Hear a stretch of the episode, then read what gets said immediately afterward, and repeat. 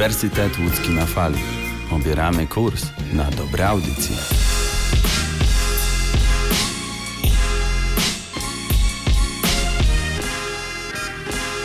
Ekstraklasa wróciła, więc należałoby wspomnieć o niej choć trochę. Tu Damian Markowicz, zapraszam na moje parę słów o każdym klubie z Ekstraklasy tuż po powrocie.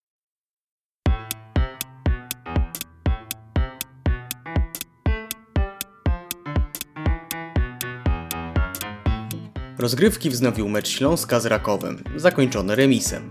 Wrocławianie zebrali bury od kibiców za słabą dyspozycję, a Raków, który w każdym meczu jest drużyną gości, w samej końcówce wypuścił 3 punkty. Emocji jednak było jak na grzybach. Pogoń uległa Zagłębiu 0 do 3. Szczecinianie udowadniają, że niby mają ciekawe nazwiska i nawet fajnie im się gra, ale na końcu i tak nic z tego projektu nie wychodzi. Zagłębie całkiem nieźle, choć mając za plecami KGHM chyba powinno wyglądać to zdecydowanie lepiej. ŁKS przegrał jedną bramką z miernym górnikiem. Rycerze wiosny niestety ze względu na wirusa nie mogli w niej błysnąć, więc bez ich jedynego argumentu spadną z ligi z hukiem. Zabrzanie pewnie zastanawiają się co będzie pierwsze. Dobry sezon w ich wykonaniu, czy przybycie Lukasa Podolskiego. Piast Gliwice przejechał się po Wiśle Kraków jak wiadomo kto, wiadomo po kim.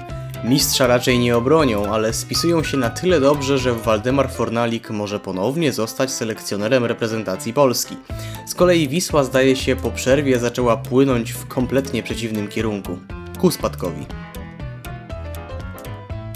Szlagierze kolejki Lech Poznań uległ Legii Warszawa. Standardowo już spotkania tych drużyn nie powalają, choć powalające w ekipie kolejorza były błąd Mikiego Vanderharta i pudło Tymoteusza Puchacza. O Legii nie ma co wspominać, bo tylko ekstraklasowa logika może odebrać im tytuł mistrza Polski. Wisła Płock poległa w starciu z, miejmy nadzieję, jedynym przypadkiem korony w ekstraklasie. Nawciarze witali się z gąską przy 1 do 0, a tu psikusa sprawili im uciekający ze strefy spadkowej Kielczanie. Krakowia poniosła piątą porażkę z rzędu, tym razem z Jagiellonią. Mam nadzieję, że trener prezes Michał Probierz nie popadnie w alkoholizm od nadmiernej ilości spożywanej whisky. Jaga swoje stolecie uczciła skromną wygraną i utrzymaniem na wybitnym ósmym miejscu w tabeli.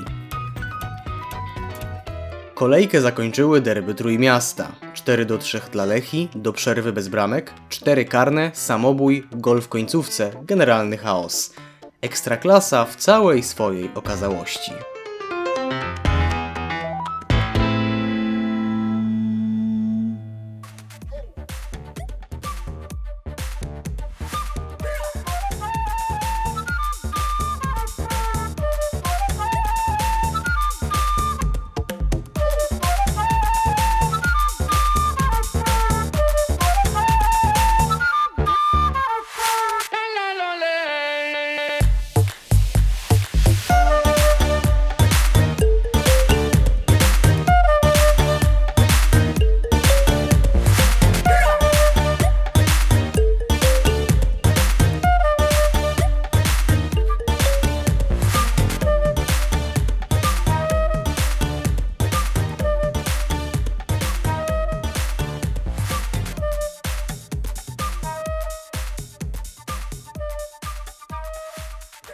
Dzień dobry, dzień dobry. Kolejny czwartek, więc znowu się słyszymy. To nasza pierwsza czerwcowa audycja, co czyni ją w pewnym sensie wyjątkową. A dlaczego wyjątkową? Ano dlatego, że czerwiec jest miesiącem szczególnie ważnym dla społeczności LGBT. Czerwiec to Pride Month, o którym dzisiaj postaram się Wam opowiedzieć. Cała historia rozpoczyna się w 1969 roku w Nowym Jorku. Miastem rządził w tym czasie republikański polityk John Lindsay – Szukał sposobów na zyskanie większego poparcia w środowisku konserwatywnym. Postanowił zatem w tym celu walczyć ze wszelkim złem i występkiem w mieście. Dla polityka oznaczało to walkę m.in. z LGBT. Jedna z dzielnicy Nowego Jorku, Greenwich Village, była siedliskiem środowisk lewicowych. W tamtejszych pubach przebywali ludzie nie tylko orientacji nieheteronormatywnej, lecz również przeciwnicy wojny w Wietnamie. Na Greenwich Village rozwijał się również ruch hipisowski – Jednym z ulubionych miejsc spotkań tych wszystkich ludzi był lokal Stonewall, określany mianem pubu gejowskiego. W nocy 28 czerwca dokonano standardowego nalotu na rzeczony bar. Tego typu akcje policji stanowiły wówczas zwykłą, często stosowaną procedurę. Lokale mniejszości seksualnych często zamykano z powodu braku licencji na sprzedaż alkoholu, ale oczywiście była to tylko i wyłącznie pewnego rodzaju wymówka. Bywalców tych pubów traktowano brutalnie, spisywano personalia wszystkich obecnych, a policjanci czynili pod ich adresem złośliwe komentarze. Pod zarzutem tzw. Tak nieprzyzwoitości zazwyczaj również dochodziło do aresztowań przypadkowych najbardziej rzucających się w oczy przedstawicieli mniejszości, najczęściej osób transpłciowych i drag queen.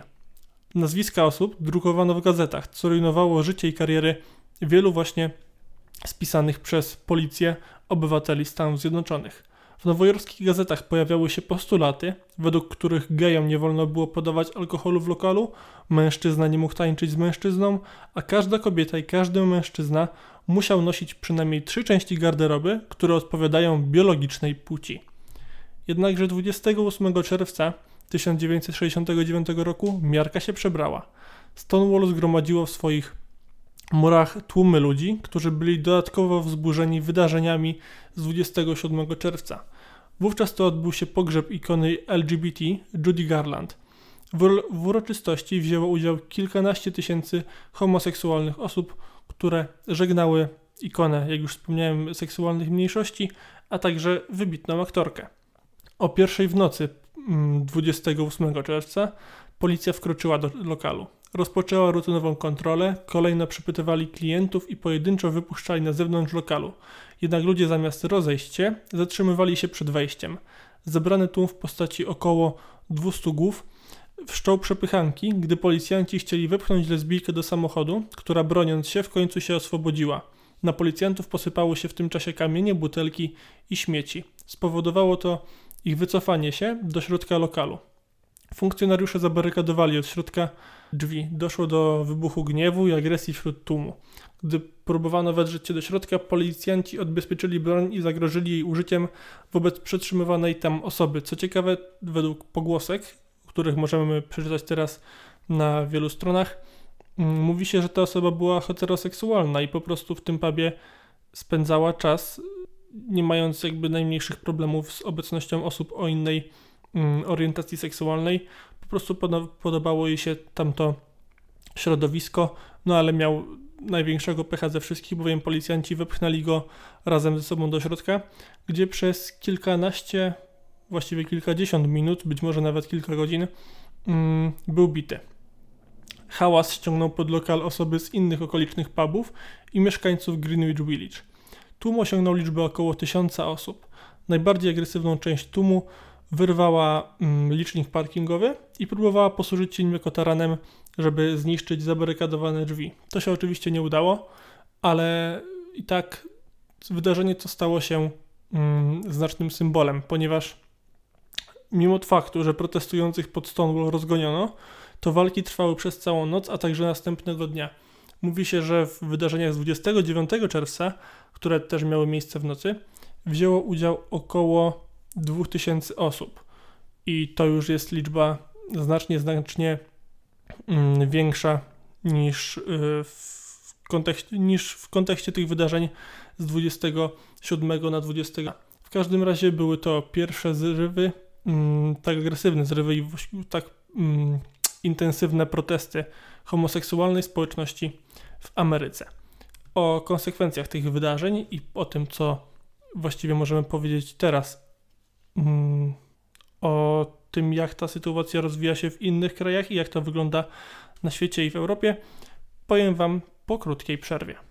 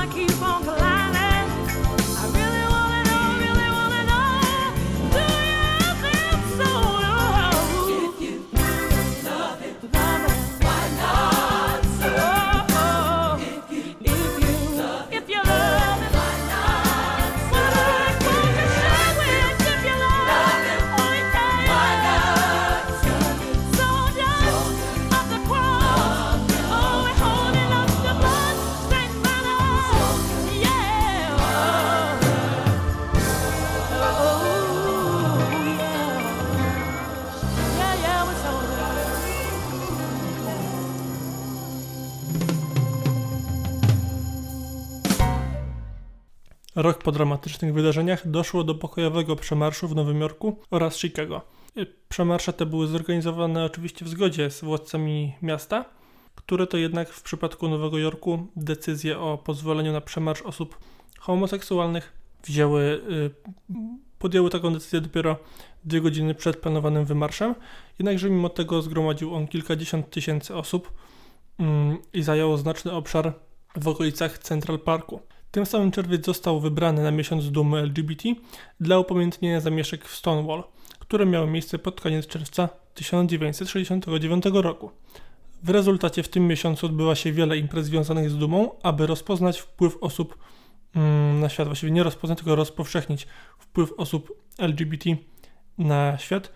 To ma pokazać, że te osoby są tak naprawdę wszędzie i mają równy wpływ na kulturę jak osoby heteroseksualne, bowiem często osobom homoseksualnym zarzuca się, iż one mm, tak naprawdę nie wnoszą nic i nie powinny mieć takich samych praw, bo y, ich czyny i właściwie orientacja seksualna jest uznawana za dewiację, a tak naprawdę bez wielu tych osób nie mielibyśmy wspaniałych na przykład kreacji filmowych, bo przecież odtwórca roli mm, Gandalfa, Władcy Pierścieni, Sir Ian McKellen jest homoseksualistą i co więcej, on brał udział w, tych, w nowojorskich obchodach mm, kilkukrotnie. Z tego co w USA dwóch prezydentów oficjalnie uznało miesiąc dumy. Byli, byli to Bill Clinton oraz Barack Obama, czyli dość lewicujący prezydenci. Natomiast Donald Trump stał się pierwszym republikaninem, który uznał Pride Month, jednakże uczynił to w swoim stylu, nie za pomocą dekretu, a za pomocą Twittera.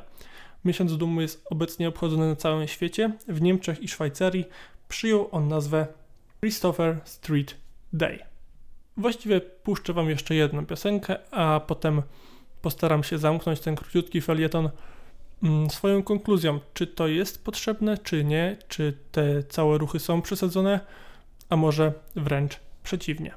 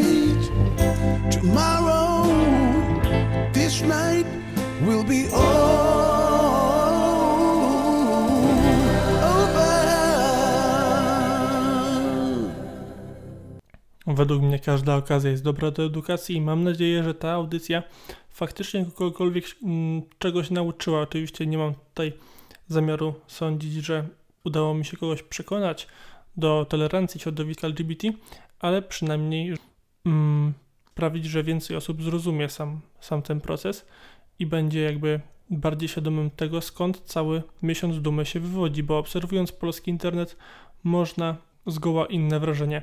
Nie ukrywajmy, że Polska ma problem z homofobią. Dla wielu młodych mężczyzn jawi się on jako największy problem, zaś wszelak pomysły o adopcji dzieci przez pary jednopłcie są od razu torpedowane, co ja uważam wystarczy spojrzeć znane przykłady wolnych, które dzieci adoptowane mają, na przykład Sir Elton John wuje dwójkę chłopców i myślę, że abstrahując oczywiście od pieniędzy, które dysponuje tenże muzyk. Myślę, że Polska czeka jeszcze długi proces, zanim staniemy się prawdziwie tolerancji i przestaniemy utożsamiać mm, te wszystkie okoliczności tylko i wyłącznie. Chciałem też zwrócić uwagę, że nieprzypadkowy jest dobór piosenek w tej audycji, te dwie, które się pojawiły. Mm, nie chciałem zajmować się dodatkowo, co się teraz dzieje, aczkolwiek uważam, że Polska nie stawiać tylko i wyłącznie w kontekście tylko i wyłącznie pomniku Tadeusza Kościuszki, co jest po prostu śmieszne. Zupełnie nie zwraca się uwagi na tło i na kontekst, tylko jak zawsze patrzymy na nasze, co nas w tym momencie interesuje, a ja to po prostu uważam za, za, za kpinę, gdyż ten problem jest znacznie szerszy i spłycanie tego mieszek, które miały miejsce, są po prostu wiele wyedukować i zamiast tworzyć kolejne hasztagi e, wzywające do poszanowania dla Tadeusza Kościuszki, powinni hasztagi wzywające do poszanowania osób. Mamy kolejny, kolejny problem. Ja sam prowadząc stronę internetową staram się unikać takich kontrowersyjnych, polaryzujących tematów, ale nie przede wszystkim mm, da się w cudzysłowie oczywiście nie możemy pozostawać obojętni wobec homofobii czy rasizmu wśród naszych odbiorców. Niejednokrotnie banujemy osoby, które nawołują do samosądów lub zrównują osoby o innym kolorze skóry z małpami, bo to jest bardzo powszechny i bardzo żenujący mm, proces, który ciągle, mimo XXI wieku, z tego roku, takie praktyki widzimy za każdym razem, gdy poruszany jest jakiś newralgiczny temat. Takie praktyki pokazują, że miesiąc dumy, czy te pokojowe protesty w Ameryce są, są bardzo ważne i ich jak najbardziej świadomy odbiór jest w Polsce skrajnie wręcz potrzebny. To koniec mojej dzisiejszej audycji, bardzo krótkiej. I tak samo ona jest bardzo krótka, bardzo chciałem podziękować wszystkim, którzy wysłuchali do końca. Dziękuję za uwagę i do usłyszenia.